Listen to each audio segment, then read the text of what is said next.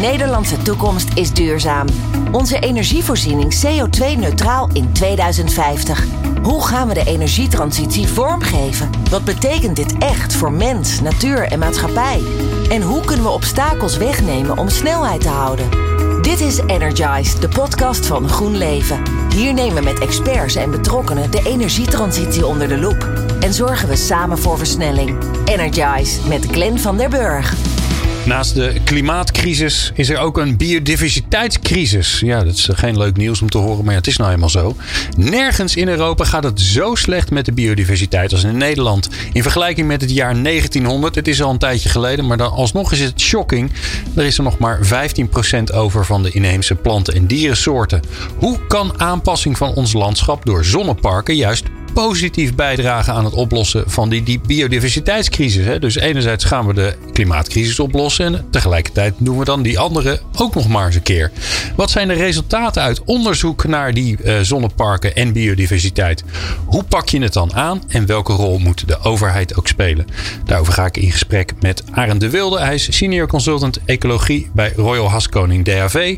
En Frank Omen, hoofd grootschalige projecten bij GroenLeven. Dit is Energize, de podcast van GroenLeven. Arend en Frank, fijn dat jullie er zijn. Um, uh, met de stelling zetten we de boel maar gelijk op scherp. Zonneparken zijn slecht voor de biodiversiteit. Arend? Ja, dat ligt eraan. Dat ligt eraan, ja, ja natuurlijk. Dat is een mooi antwoord. Dat ligt eraan hoe de huidige biodiversiteit op die plek is. Stelt dat niet veel voor, dan is er een kans op verbetering. Maar is de huidige biodiversiteit vrij hoog en kwetsbaar voor wat je gaat doen met je panelen? Ja, dan kan die naar beneden gaan. Oké, dus stel je voor dat je een heel groot dak boven de Veluwe plaatst, is het niet zo handig. Uh, maar als het een of andere vuilnisbelt is uh, waar niks gebeurt, dan kan het nog best wel eens interessant zijn. Ja, vuilnisbelt, ja. Of kan dat juist een interessante biodiversiteitsplek zijn? Als die al een ja. tijdje licht zijn die verbazingwekkend interessant. Maar ja, dat hoor je ook wel eens over die, die stukjes groen tussen de snelwegen in. Hè? Dat daar hele spannende dingen ja. gebeuren. Omdat ja, er gewoon nooit die, iemand komt. Van die hoekjes inderdaad. Als je het met rust laat, jarenlang met rust. Dan komt er vanzelf van alles en nog wat. Ja, is dat dan de truc? Uh, dat is een van de trucs. Ja. Nou, daar gaan we zo nog veel meer over horen. Uh, Frank, hoe kijk jij ernaar? Zonneparken zijn slecht voor de biodiversiteit? Nou, om daar duidelijk stelling op te nemen, dan zeg ik van dat is niet zo. Oké, okay, want? Uh, natuurlijk zit er een heel stuk uh, nuancering bij, maar het debat wordt vaak uh, gepolariseerd in uh, ja of nee, goed of niet goed. Terwijl wij zeggen, de dubbelfunctie is heel vaak mogelijk. Dus je kan prima een zonnepark ontwikkelen die het ook nog goed is voor de biodiversiteit. Dat is niet per definitie zo. Je moet daar goed naar kijken hoe dat je dat in het ontwerp meeneemt. Maar het kan dus duidelijk wel. De ja. dubbelfunctie. Ja. Niet of-of, maar en-en. Nee, stel je voor, jullie krijgen de mogelijkheid ergens een zonnepark neer te leggen als GroenLeven. Um, en uh, degene van wie jullie die mogelijkheid krijgen, uh, die zegt, ah, de biodiversiteit laat lekker zitten, dat boeit mij totaal niet. Wat doen jullie dan? Nou, er zijn altijd meerdere belanghebbenden. Dat is niet alleen de eigenaar van dat stukje land. We hebben ook een, een gemeente, we hebben omwonenden en we hebben daar zelf ook een mening over. En op de lange termijn uh, houdt zonne-energie geen stand als je geen rekening houdt met die andere belangen. Biodiversiteit is daar een belangrijke bij. Ja, nou mooi. We gaan zo natuurlijk naar het hoe doe, hoe doe je dat dan? Want daar zit iedereen natuurlijk mee in zijn hoofd. Maar we moeten we nog een beetje uitstellen. Eerst maar even uh, terug naar de biodiversiteit. Hè? Want ik zei het al even. Ja, de, de klimaatcrisis die, die snapt iedereen ondertussen. Gelukkig is dat ondertussen doorgedrongen bij iedereen. Nu moeten we er nog naar handelen. Dat is vers 2. Maar de, de besef is er. We hoeven het in ieder geval niet meer te ontkennen. Die biodiversiteitscrisis die was altijd een ingewikkeldere. Had ik altijd het gevoel. Maar ook daar hoor je langzaamaan steeds meer voor terugkomen. Vooral natuurlijk de het verminderen in het aantal insecten. De bij waar we ons zorgen over maken. Uh, Arend, neem ons even mee. Waarom hebben we die crisis? Wat is er aan de hand? Uh, nou, het is helemaal niet simpel. maar, Daar was ik al bang voor. Het belangrijkste is natuurlijk dat we de omstandigheden voor de biodiversiteit voor allerlei planten en dieren. We hebben hun leefomgeving eigenlijk veranderd of meestal gewoon vernietigd. Dus er is gewoon veel minder ruimte waar ze kunnen leven. En de plekken waar ze nog wel kunnen leven, hebben ze last van vervuiling, verdroging, uh, concurrentie. Wat denk je bijvoorbeeld van een paar miljoen katten die in Nederland bijna een kwart van de vogels en, en muizen per jaar opeten? Oh ja, is dat zo? Ja. Een kwart van alle vogels worden opgegeten? Die orde grootte. Want dat is ja, een van de problemen waar we tegenaan lopen bij biodiversiteit. Er is eigenlijk heel weinig gemeten. Dan met, die, met dat insectenonderzoek, dat was dan eindelijk een beetje. Maar eigenlijk wist iedereen het wel. Iedereen die wat ouder is, die weet dat je vroeger in de zomer, als je rondgereden had, je autoruit ja, krabben, want helemaal vol met dode insecten. Ja. Dat is niet meer zo. Iedereen wist dat. Die, die buiten komt hè, en die oplet. Maar het was niet gemeten. En als je geen harde cijfers hebt, dan wordt er niet echt naar geluisterd. En zeker als het geen economische waarde heeft, dan telt het ook niet mee. Ja. En nou, zou, nou zou je zeggen, er zijn, uh, ik geloof nog, wat zei ik, 15% van de soorten is er over. Nou ja, ongeveer. Nou, dat klopt denk ik niet hoor. Nee? Uh, ongeveer 15% van, het, uh, van de, het aantal individuen is globaal over. We hebben gelukkig niet zoveel soorten verloren. Maar het is wel zo dat het aantal individuen van veel soorten uh, echt dramatisch afgenomen is. Van heel veel vogelsoorten hebben we nog maar 10, 15 procent over. Van het aantal van die, die er waren, bijvoorbeeld huiszwaluwen, waren vroeger heel algemeen. En daar hebben we nu nog zoiets, de grote 10, 15 procent over. Ja. Van wat er een eeuw geleden was. Waarom is het erg? Los van het feit dat we natuurlijk allemaal van de natuur houden. En het fijn is als er vogels zijn. Maar waarom is het ook nog meer erg? Er zijn ook verschillende redenen voor. Je kan gewoon. Uh, er is een ethisch iets van hebben wij het recht om andere levensvormen gewoon uit te roeien? Uh, het is een genocide, maar van een andere soort. En is dat dan niet erg? Ja. Uh, en daarnaast is heel veel planten en dieren hebben functies voor onze maatschappij. Die leveren diensten. Ecosysteemdiensten noemen ze die ook wel. En dat heeft te maken dat al raar eigenlijk, hè? toch? Als je het over de natuur hebt, je het over eco. Ja, dat je even een paar bijen inhuurt voor een ecosysteemdienst. Ja. Maar in feite werkt het wel zo. Want een hele hoop uh, van ons dagelijks leven hangt samen met, met planten en dieren. We zijn, er zo, we zijn ook zelf onderdeel van het systeem. En dat hebben we eigenlijk heel lang ontkend. Nu heeft toevallig een virus ontdekt dat wij eetbaar zijn. En moet je eens kijken wat een invloed dat heeft. En binnenkort met die opwarming van het klimaat krijgen we weer allerlei interessante muggensoorten die weer andere ziektes meenemen. Die vinden ons ook gewoon eetbaar, prooi. Dus is het heel wenselijk dat er bijvoorbeeld die huiszwaluwen zijn die muggen eten. Om eens een korte link te leggen. En zo zijn er miljoenen links. Ja, uh, allerlei ja en mensen denken, dan, mensen denken dan, ah, muggen, weet je, hangen we wat netjes op en zo. Maar het, het probleem is natuurlijk dat die, die muggen, die, het zijn niet de muggen die we nu kennen maar die uh, van wat zuidelijkere landen komen, omdat het bij ons warmer wordt. Ja. dus zo passen die twee ook weer in elkaar. Ook heel productieve dingen. Hè? Bijvoorbeeld uh, in de bodem, als je daar bepaalde schimmels mist, dan, uh, dan kunnen bomen en planten minder goed groeien. Want die schimmels die zijn een soort link tussen de voedingsstoffen in de bodem en de planten die dat opnemen. Als je dat ook allemaal verschraalt, uh, of als je je wormenpopulaties instorten, dan is de afbraak van organisch materiaal en de bodemvruchtbaarheid neemt daardoor af. Het is gewoon uit onderzoek gebleken dat de bodemvruchtbaarheid in Nederland ook voor de agrarische productie hard achteruit holt. Ja. Dus het is niet uh, alleen voor de leuk, want ook voor de leuk is het hoor. Want ik bedoel, als je bij de natuur woont, is je huis gewoon paar vierkante meter meer waard. En, en ben je aantoonbaar gelukkiger. Maar ja, want die is ook mooi, hè? Ik kan me nog een, eh, een, volgens mij een, een KPMG-onderzoek eh, herinneren. Die onderzoek hebben gedaan naar wat, wat groen en bomen in wijken eigenlijk uh, voor gevolg hebben. Voor, uh, voor de gemoedstoestand van mensen. Dat vond ik ook wel een mooi onderzoek. dacht, hé, hey, wacht eens even. Er is dus een rechtstreeks relatie tussen natuur en hoe mensen zich voelen. Hoeveel stress ze ervaren. Ja, die zit er ook nog bij. Absoluut moeten we dat? Want ik hoor, ik, hè, de, ecosysteemdiensten, hè, dan, dan, uh, dan past het weer ergens in een, uh, in een economisch model. Hoe, hoe zie jij dat? Moet je ook die taal gaan praten om te zorgen dat het een eerlijk gevecht is? Hè? Zodat we ook snappen, oké, uh, rationeel gezien is dit een hele domme keuze, want dit is het, ook het economisch gevolg. Of, of blijf jij er liever van weg? Want het, het voelt ook raar. Ik snap niet waarom dat raar is. Economen, economen hè, die roepen dit al 30, 40 jaar. Ja. Die zegt je moet je, je moet je kosten en baten op orde hebben. En nu zegt ook de Europese Unie, die zegt van dat bruto nationaal product, daar moet je ook je kostenfactor van wat je aan vernietiging van andere zaken doet. En vernietiging is niet alleen biodiversiteit, hè, ook uh, drinkwater, watervoorzieningen, veiligheid uh, tegen ziektes en zo. Dat moet je meenemen. Ja. Uh, dus economen roepen dit al heel lang. Uh, alleen als je korte termijn winsten wil maken, is het niet handig om rekening te houden met de schade op langere termijn. Ja. En in de politiek, als je prat gaat op gebrek aan visie, dan hoef je ook niet naar de langere termijn te kijken. Nee, nee. Was, ja. ja. Voor visie moet je naar de, naar de oogarts of zo, geloof ik. Of naar de. Nou ja. Volgens mij is dat uh, best wel handig om toch wat op lange, lange termijn te kijken. Zeker als je kinderen hebt en je wil die ook nog recht in de ogen aan kunnen kijken. Zeggen Tuurlijk, van, uh, we hebben de aarde tenslotte geleend van onze kinderen. Ja, zeker. Um, Frank, GroenLeven helpt enorm bij die energietransitie. om te zorgen dat we nou ja, af kunnen van die fossiele brandstoffen en naar, naar nieuwe vormen, hernieuwbare vormen van energie kunnen.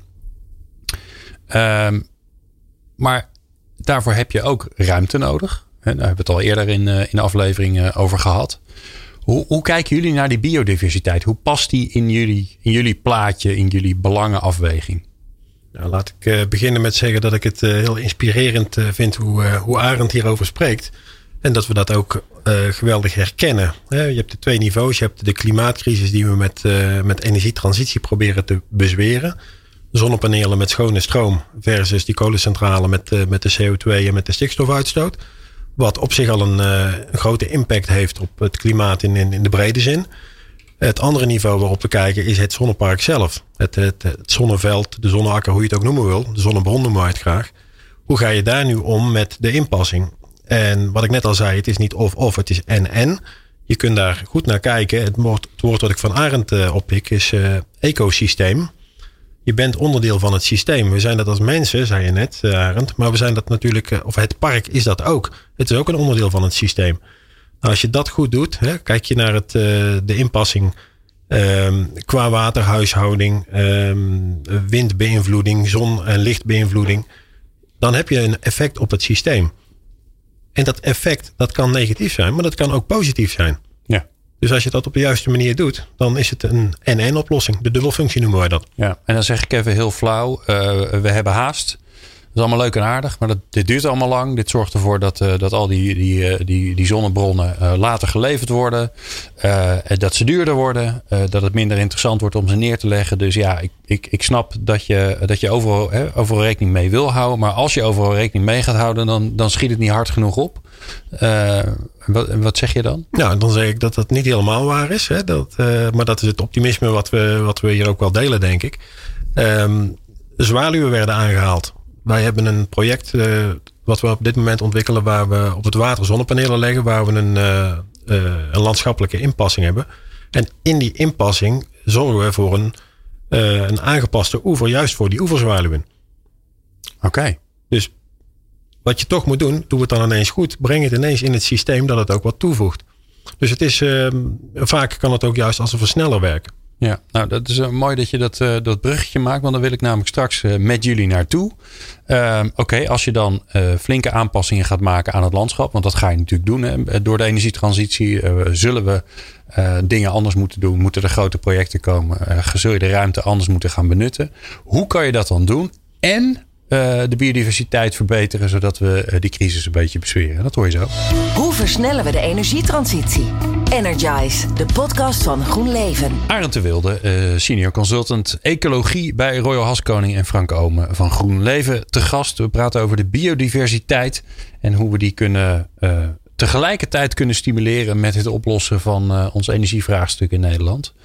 Um, ja, laten we maar even beginnen, Arend. Ehm, ik, ik vind het fijn om het concreet te maken. Dus laten we nou eens een, een plek nemen waar de biodiversiteit niet zo fantastisch is. Ik stel me bijvoorbeeld een, eh, een, een redelijk um, uh, uh, uitgeleefde akker voor. Waar jarenlang van alles en nog wat op heeft gestaan. Maar waar weinig de bodem in is gegaan, maar vooral uit. waar weinig leven is. Hoe kunnen, we die, hoe kunnen we daar nou gebruik van maken om zonne-energie op te wekken. En de biodiversiteit te stimuleren? Wat moeten we doen? Um, ik zou om te beginnen uh, een andere plek gaan zoeken. en ja. dan wil ik graag kijken naar een weiland waar jarenlang uh, heel veel mest op gegaan is. Want oh, die akkerbouwers die zijn tegenwoordig best goed bezig om dat circulair te doen. En okay. er zijn ook heel veel kansen voor. Terwijl onze veeteeltsector uh, een probleempje heeft met stikstof ja. en mest. Ja. Dus ik denk dat we vooral moeten kijken naar weidegebieden. Oké, okay, we pakken helemaal terecht. Heel goed. Ja, eerste advies is binnen. We pakken een weidegebied uh, met gras. Waar ja. niet zoveel anders dan gras groeit, volgens mij. Uh, met veel te veel stikstof in de grond. Uh, waardoor er een stukje verderop niet meer gebouwd kan worden. Dat vinden we natuurlijk ook vervelend. Vooral de starters op de arbeidsmarkt. Wat gaan we doen? Ja, daar zou je zonnepanelen op kunnen zetten natuurlijk. Want dan heb je een paar zaken waar je een verbetering voor de biodiversiteit mee kan bereiken. Uh, je gaat niet meer bemesten. Je gaat geen andere uh, landbouwchemicaliën toevoegen.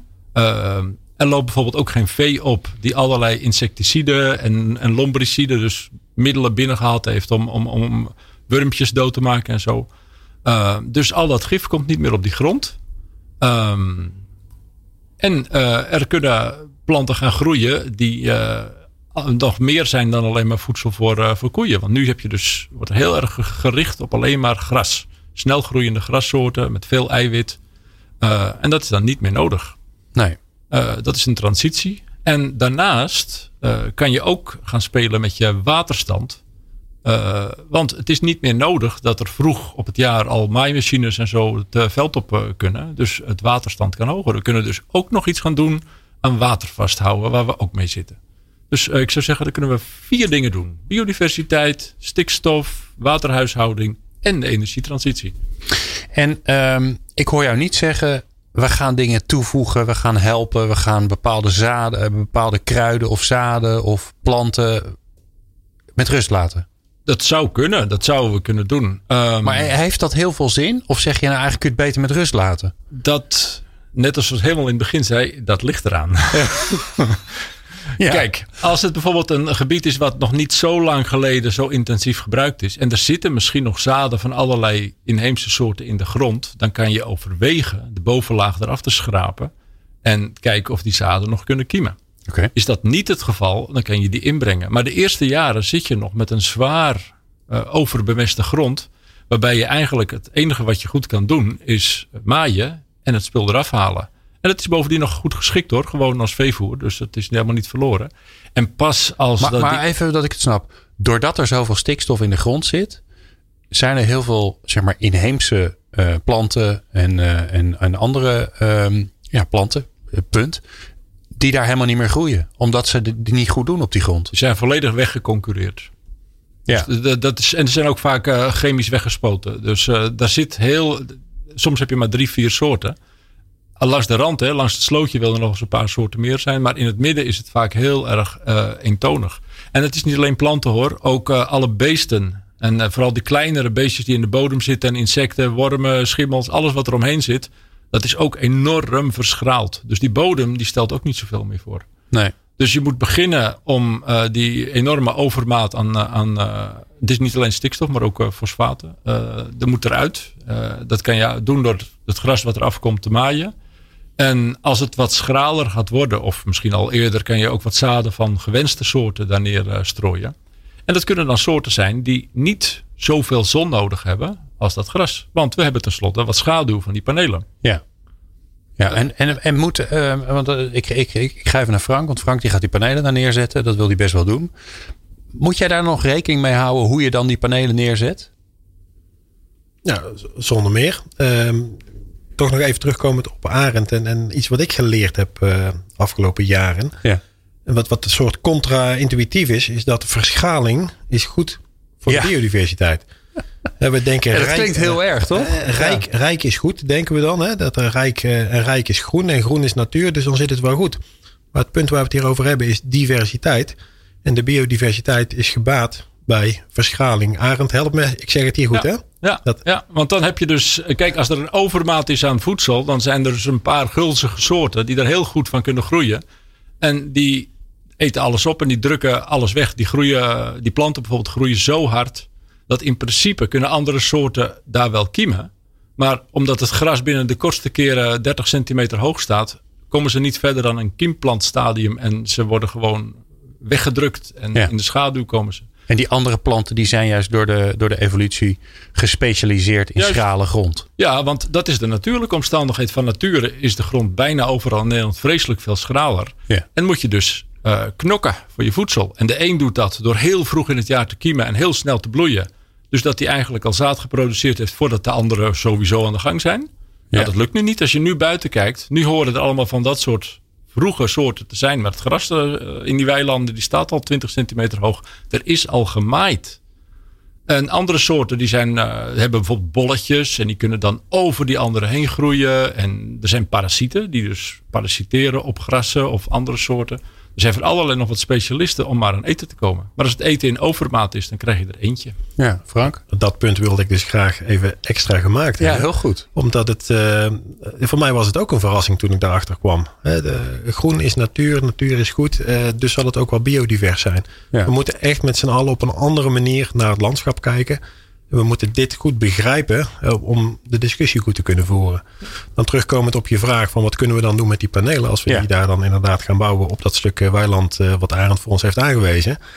Eh, nou, dat, dat, daar kunnen we best het een en het ander doen. Het meest simpele voorbeeld noemde jij zelf al. Als je de Veluwe volledig gaat overkappen, dan zal dat wel niet zo goed zijn. Nee. Dus daarmee heb je een deel van het antwoord. Als we het niet volledig overkappen, is het in ieder geval een stuk beter. En het gaat om twee zaken met name. Eh, enerzijds licht. Hè, leven heeft licht nodig, fotosynthese. Ehm, er moet voldoende licht ook op de grond komen. En anderzijds water. Ehm, er moet ook water op de grond komen. Nou, als je een, eh, een veld aan, aaneengesloten vollegt met eh, panelen, dan zal dat water via die panelen afgevoerd worden naar een paar locaties. En zal op een aantal andere locaties dus ook geen leven kunnen ontstaan. Dus daar moet aandacht voor zijn. Voldoende afstand tussen paneelrijden. Rijen, eh, her en der ook eh, mogelijkheid dat het water eh, de grond kan, kan bereiken. Mogelijk zelfs nog waterberging. Dat is een andere discussie die we in Nederland hebben. Hoe gaan we met waterberging om? Het creëren van poelen onder de panelen. Dat helpt enerzijds aan waterberging. Anderzijds ook aan de biodiversiteit. Paddenpoeltjes worden die ook wel genoemd. Dus er zijn, er zijn best veel mogelijkheden om het systeem te versterken door het goed te doen. Ja. En dan kun je dus, nee, je had het over vier dingen tegelijk doen. Hè? Waterberg, Ja. biodiversiteit, de bodem weer eh, herlevend houden. En zonne, zonne-energie. Hebben Ja. we ze dan? Ja, toch? Ja, en als we goed zoeken, kunnen we er waarschijnlijk nog wel een paar nog wel bij een paar doen, bij bedenken. Ja, een wel. paar wandelpaden tussendoor. Dan vinden mensen het ook nog leuk om er te lopen. Eh, speciale kruiden laten groeien. Dat ze, dan kunnen ze dat weer door het eten doen. Nou ja, hè, als we even doorgaan, dan. eh, ehm, Als, als die kruiden dan tenminste inheems zijn. Want anders dan... anders mogen ze niet, hè? Nee, geen oregano en zo. Dat, eh, dat groeit hier niet, volgens mij. Dan moet je naar Ja, en aan de andere kant moet je ook denken, we zitten met een veranderend klimaat. Uh, het klimaat in Nederland is over een paar jaar al vergelijkbaar met wat het tien jaar geleden Midden-Frankrijk was.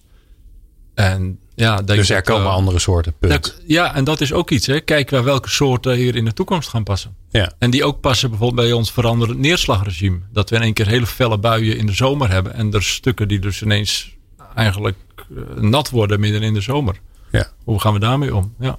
Ja.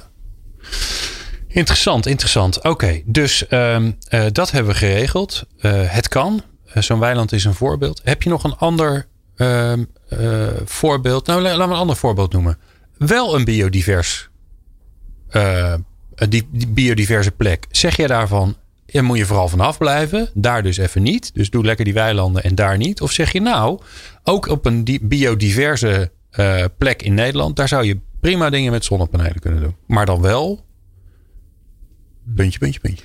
Weet je nog dat je zei 15% is er nog over? Ja. Dus het is niet echt logisch om in dat. Uh, maar daar zeg ik niet mee dat het onmogelijk is. Want soms heb je plekken met een bepaalde biodiversiteit. En uh, is het ook mogelijk dat als daar meer schaduw opkomt, er ook uh, meer of een gelijkwaardige biodiversiteit kan komen. Maar dan denk ik bijvoorbeeld iets aan uh, verticale panelen die eigenlijk nauwelijks schaduw of zo veroorzaken, die leveren wel degelijk zonne-energie, maar die hebben bijvoorbeeld als bijkomstigheid dat de, er minder wind is in het systeem, okay. waardoor er wat luwte ontstaat.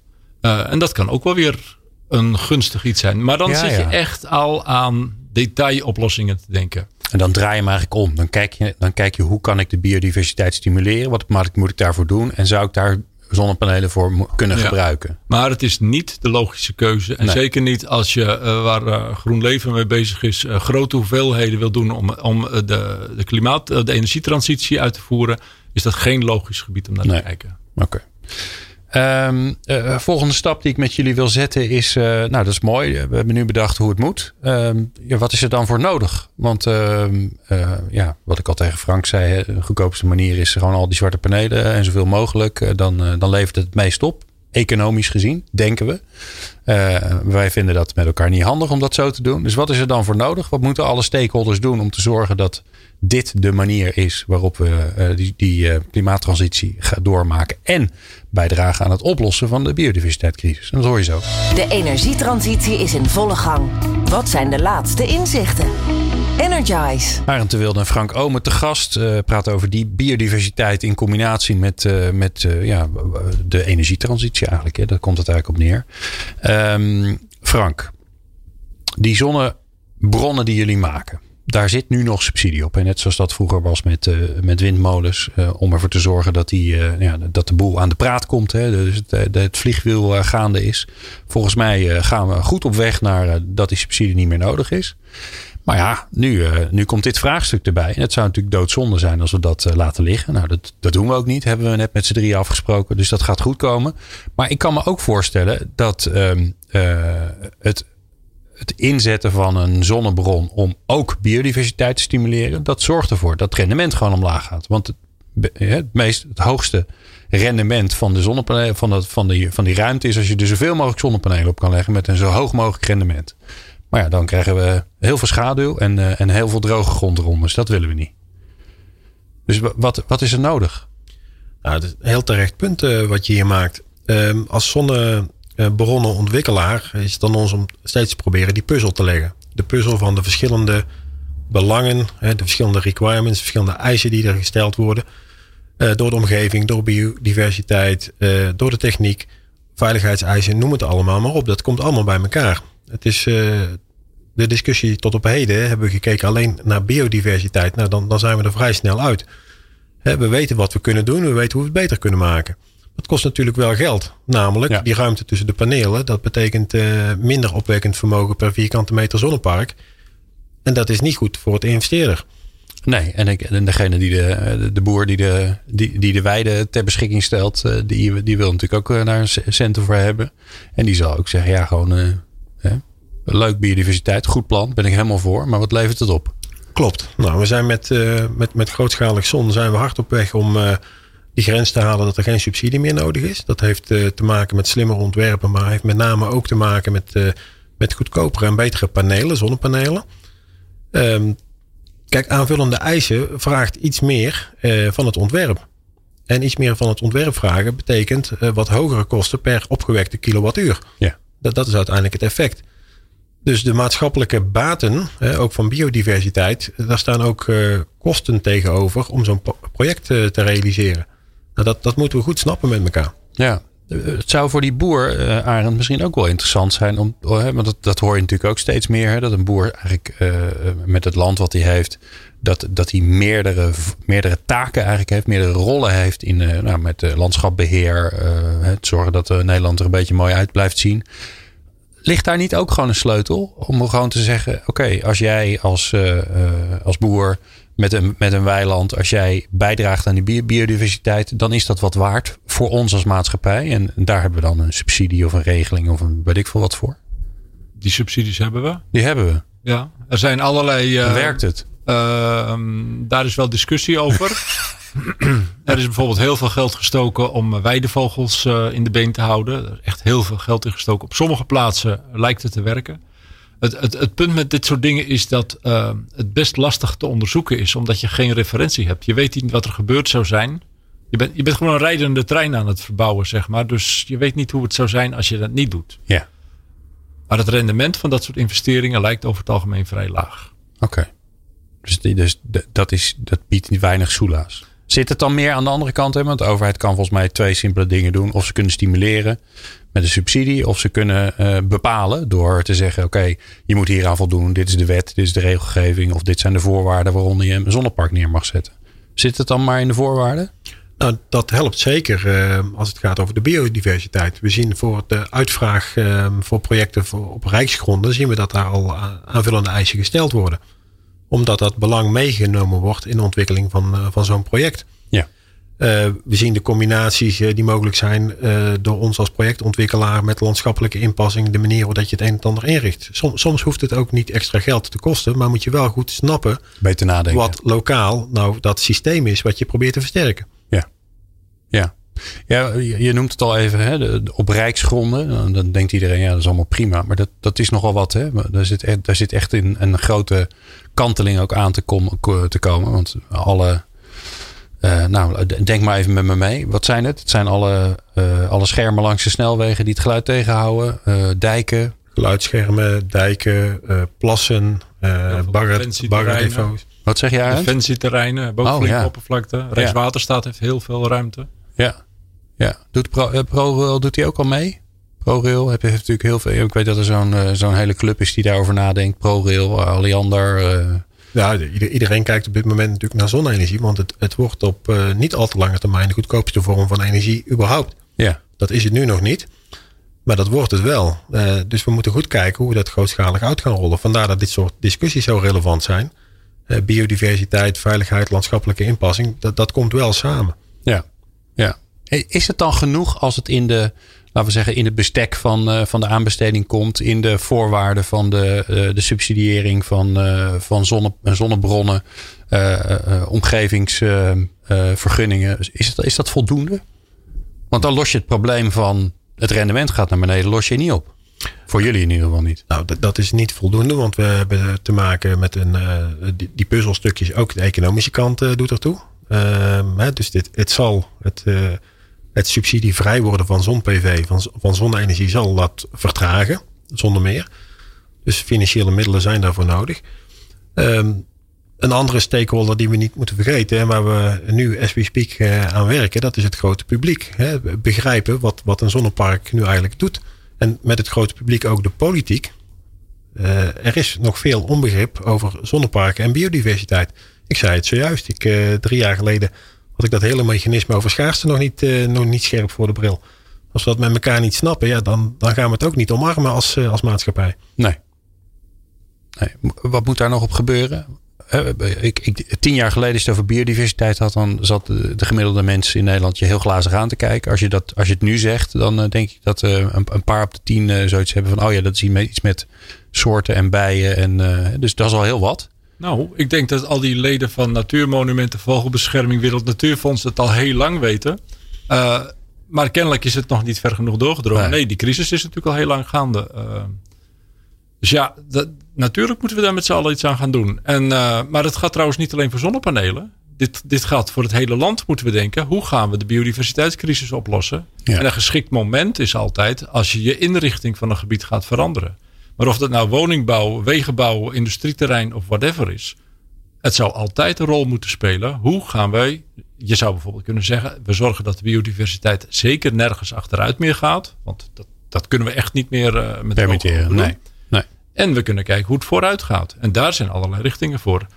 En ja, daar moet je gewoon als maatschappij een besluit over nemen. Dat kan je niet aan individuele ondernemers overlaten. Want dan krijg je een race to the bottom. Zoals we, weet ik veel, met plofkippen en zo gezien hebben. Tot we, waar we echt tot in situaties terechtgekomen zijn die we niet willen. Nee.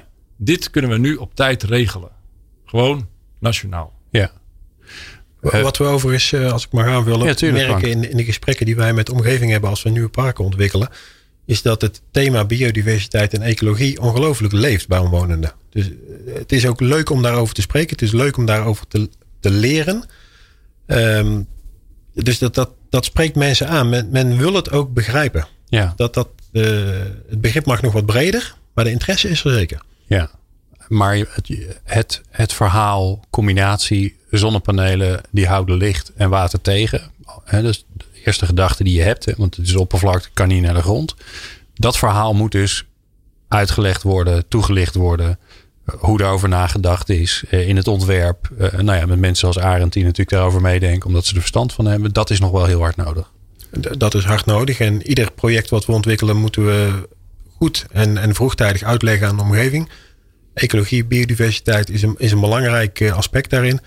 Waar we ook gewoon steeds meer vragen over krijgen. Dus dat, dat hoort erbij. Ja. ja, en als toevoeging misschien, uh, er wordt ook onderzoek naar gedaan. Hè? Vanuit Wageningen hebben ze nu echt gewoon uh, bestaande zonneparken onderzocht. er loopt ook een onderzoeksproject van wat gebeurt er nu echt. Want je kan wel zeggen, ja, zo'n paneel houdt, houdt, regenwater tegen. Maar de totale hoeveelheid water die valt op dat gebied blijft gewoon gelijk. Ja. Dus je moet alleen maar zorgen dat het water op de juiste plek komt. Dat is niet het punt. Dat er licht onderschept wordt, ja, want dat is de oogst die, uh, die de, de, zonnepanelen eraf halen. Je hebt dus te maken met meer schaduw. Maar er zijn heel veel ecosystemen die in de schaduw leven. Onder alle bomen bijvoorbeeld heb je schaduw. Ja. Dus dat is helemaal niet iets vreemds. Je moet alleen zorgen dat je natuur uh, de kans geeft zich te ontwikkelen onder die omstandigheden. Ja. Ik zou je zeggen, ik, ik woon in Wageningen en ik, ik fiets een beetje in de buurt om fit te blijven. En ik ben die onderzoeksopstelling met die zonnepanelen, die ben ik tegengekomen.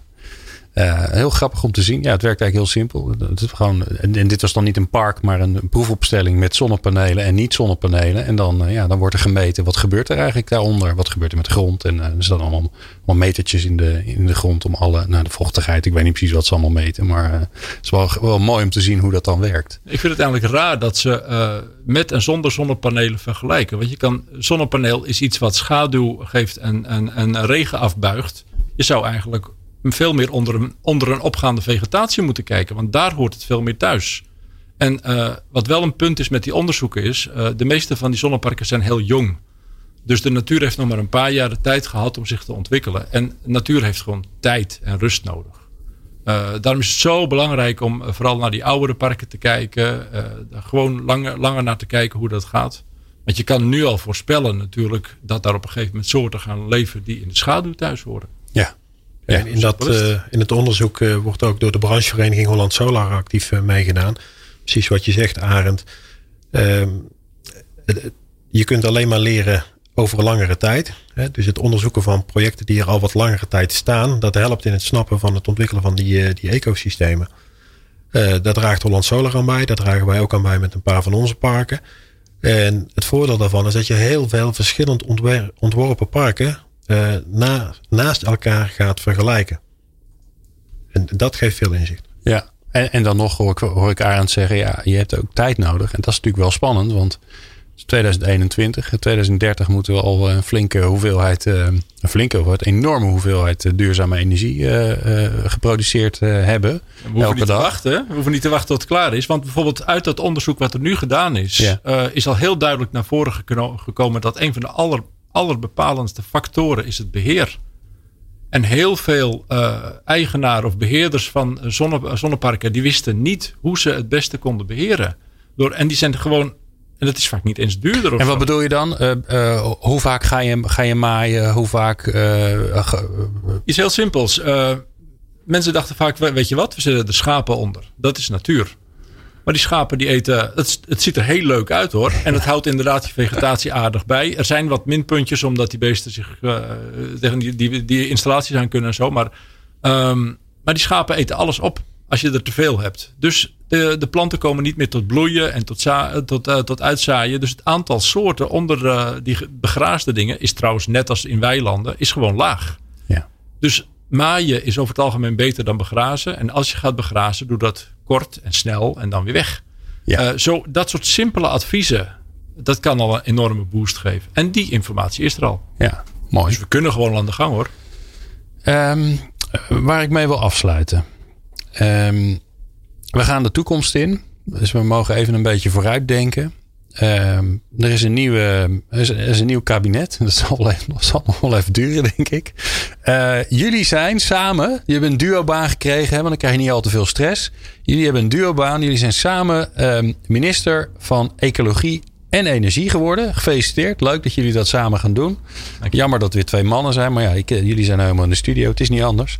Um, dat is een andere diversiteitsdiscussie. Ja, daarom. Hè? Ja, dat is, ja, dat is ook belangrijk. Uh, wat Jij gaan jullie laten verbouwen? Ik nog nou ja. Hè? Uh, wat gaan jullie doen? Je hebt, je, hebt, uh, je hebt de macht in handen. Je kan natuurlijk niet alles bepalen. Maar wat, ja, wat moet er gebeuren? Nou, ik vind het mooi dat je zegt uh, over dat ministerie. Daar zou eigenlijk ook nog landbouw bij moeten zitten dan. Hè? Ja, volgens mij hoort dat erbij. Dat, dat hoort erbij. Ja, het is ecologie. Dat is de, ja. landbouw is voor mij bijna tegenovergestelde. Maar we, we gaan weer terug. Het ministerie van, uh, ruimtelijk, van, van, van landelijk gebied of zoiets. Hè? En energie. Uh, ja, goed, ja. energievoorziening hoort daarbij. Ja, ja. ja. Maar in, uh, in, in antwoord op je vraag. Wat ga je doen? In wezen is er een, een mooie puzzel te leggen. Biodiversiteit, landbouw, stikstofprobleem, waterberging. Hè? De, de, de grote issues die we samen hebben. Uh, ik denk dat daar uh, oplossingen voor zijn. Nou, we hebben hem al een beetje ontworpen in dit gesprek. Hè? De, Ja. Niet de akkerbouw, maar juist het, eh, het weideland. De, de manier hoe dat je het, eh, het inricht. Daar kun je eisen aan stellen. Het zal ook eh, economisch gestimuleerd moeten worden. Ja, want daar hebben we het ook over gehad. Eh, iets eh, hogere prijs per kilowattuur. Dat betekent een eh, nou, iets langere tijd voordat we onder de subsidiegrens zitten. Zou je soort- zou je niet ehm, ehm, dubbel groene stroom moeten maken? Ik ben jullie marketeer nu geworden. Dat is leuk. Dus leuk dat jullie me in hebben gehuurd. Ja. Je hebt natuurlijk groene stroom. Iedereen wil tegenwoordig groene stroom hebben. En nou, dan heb je al discussie over... eh, komt het ergens uit eh, Noorwegen en wordt het vijf keer verkocht? Of is het echte groene stroom uit Nederland? Hè, geproduceerd door GroenLeven of door eh, Van de Bron met eigen windmolens. Maar dit is eigenlijk... Hè, als je en groen bent omdat het duurzame energie is... en het is biodiversiteit versterkt... dan heb je dubbel groene stroom. Dat zou toch wel iets meer mogen opleveren? Eco-groene stroom. Ik denk dat het ministerie zich niet bezig moet houden met eh, het exploiteren daarvan. Maar wat ik zou doen als, eh, bij het minister is. Ja. eh, ik ben als politicus ben ik eh, zowel niet ter, ter zake kundig als geen belanghebbende. Dus ik wil graag eh, met de ter zake kundigen, eh, dat is vooral mensen uit de wetenschap en uit het bedrijfsleven, en de belanghebbenden, dat zijn de omwonenden, eh, samen een oplossing zoeken. Er zijn duidelijke opgaven, Ja. die zijn landelijk, eh, regionaal en plaatselijk. En kijk vooral met de lokale mensen wat daar het beste past. Gebruik die lokale kennis en zet kennis die er is in. Maar zeg je daar ook mee, er hoeft geen ehm, eh, landelijk masterplan te komen waarbij we nou eens een keer bepalen wat waar komt. Hè? Want dat is een andere discussie die wij natuurlijk al gehad hebben. Los van dat je dus niet op akker, akkergrond, maar weidegrond volgens jou eh, eh, aan de slag zou moeten. Eh Arend is natuurlijk ook een andere discussie. Eh, plan die dingen dan ook nog eens een keer waar er nog ruimte is in het netwerk. Want anders kan je die stroom weer niet kwijt. hè. Dus is, is er niet gewoon zo'n soort regiefunctie nodig? Die zegt, joh, daar wel, daar niet. Dan Dan maken we een mooie landelijke doelstellingen. Want eh, net, wat je, net je zegt, er zijn gewoon op dit moment plaatsen waar geen ruimte is om eh, zon aan te haken. En dan zul je dus eerst dat knelpunt op moeten lossen. Maar op de plaatsen waar wel mogelijkheden zijn, ga je denk ik met, op zo, zo, zo lokaal mogelijk kijken. Wat de mensen, mensen zelf kennen hun omgeving het beste en weten ook wat ze acceptabel vinden. En dan kan je ook eh, modellen verzinnen dat mensen zeggen wij willen eh, als tegenprestatie een mooier landschap. Of als tegenprestatie willen we meedoen. Of als tegenprestatie willen we dat, het, eh, dat de waterberging op die plek opgelost wordt. Eh, Ja, veel, meer, veel meer dat erbij. maar, maar dat ligt aan de lokale belangen, de lokale Maar- vraagstukken maar het die er begint, net wat je zegt, wel met een, met een, met een algemene richting geven. Oké, dus jullie, jullie zijn, jullie zijn eh, allebei minister geworden. Dus jullie gaan een soort masterplan maken. Zodat er in ieder geval helder is eh, waar dingen kunnen komen. En, en stap twee is dat jullie dan vervolgens zeggen. En het lokaal moet je eh, het gesprek aangaan om te kijken hoe, hoe, we, hoe gaan we dat dan doen. En ik zou zeggen, we zetten er een zak geld bij. En degene die het eerst komt, die het meeste zin heeft. Hè? Je werkt met de mensen die willen. Ja. En als ze echt ergens niet willen, ja, dan zullen ze later een keer aan de beurt Dan komen. komen ze wel. Kijk eens aan, minister Arend aan de macht. Ja, Ja. ja. Nee, maar ik, ik, ik deel dat, eh, het verhaal eh, heldere doelstellingen. We hebben veel ambities. Dat moeten we doorvertalen in. eh, dat moeten wij dan, Arend, eh, doorvertalen in hele heldere doelstellingen.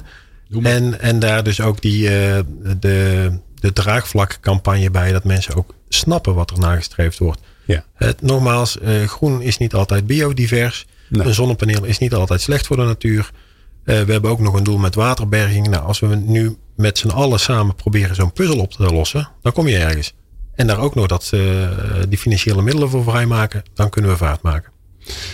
Nou, ehm, eh, mocht er ooit een kabinet komen. De heren zijn... eh, Wij zijn- zijn beschikbaar. Ja, hebben jullie, zouden jullie dat ook leuk vinden? Maar dat is weer een heel ander gesprek. Maar eh Arend, mogen ze bellen? Ja, ze mogen bellen, maar ik heb wel wat voorwaarden. Ik wou net zeggen, er is een verschil tussen adviseren en, eh, en, eh, en ministerieel verantwoordelijk zijn. Hè? Goedemorgen. Je zal, je, zal maar voor je kiezen krijgen allemaal. Ik heb toch soms toch enorm met die mensen te doen. Maar dat is weer een heel ander verhaal. Ehm, ik dank jullie zeer eh, voor, eh, ja, voor het mooie gesprek. En de inzichten die we weer op hebben gedaan. Arend de Wilde, eh, senior consultant ecologie van Royal Haskoning DHV. En Frank Omen, hoofd grootschalige projecten bij Groen Leven. Bedankt voor het luisteren naar Energize, de podcast van Groen Leven. Meer afleveringen vind je in jouw favoriete podcast-app.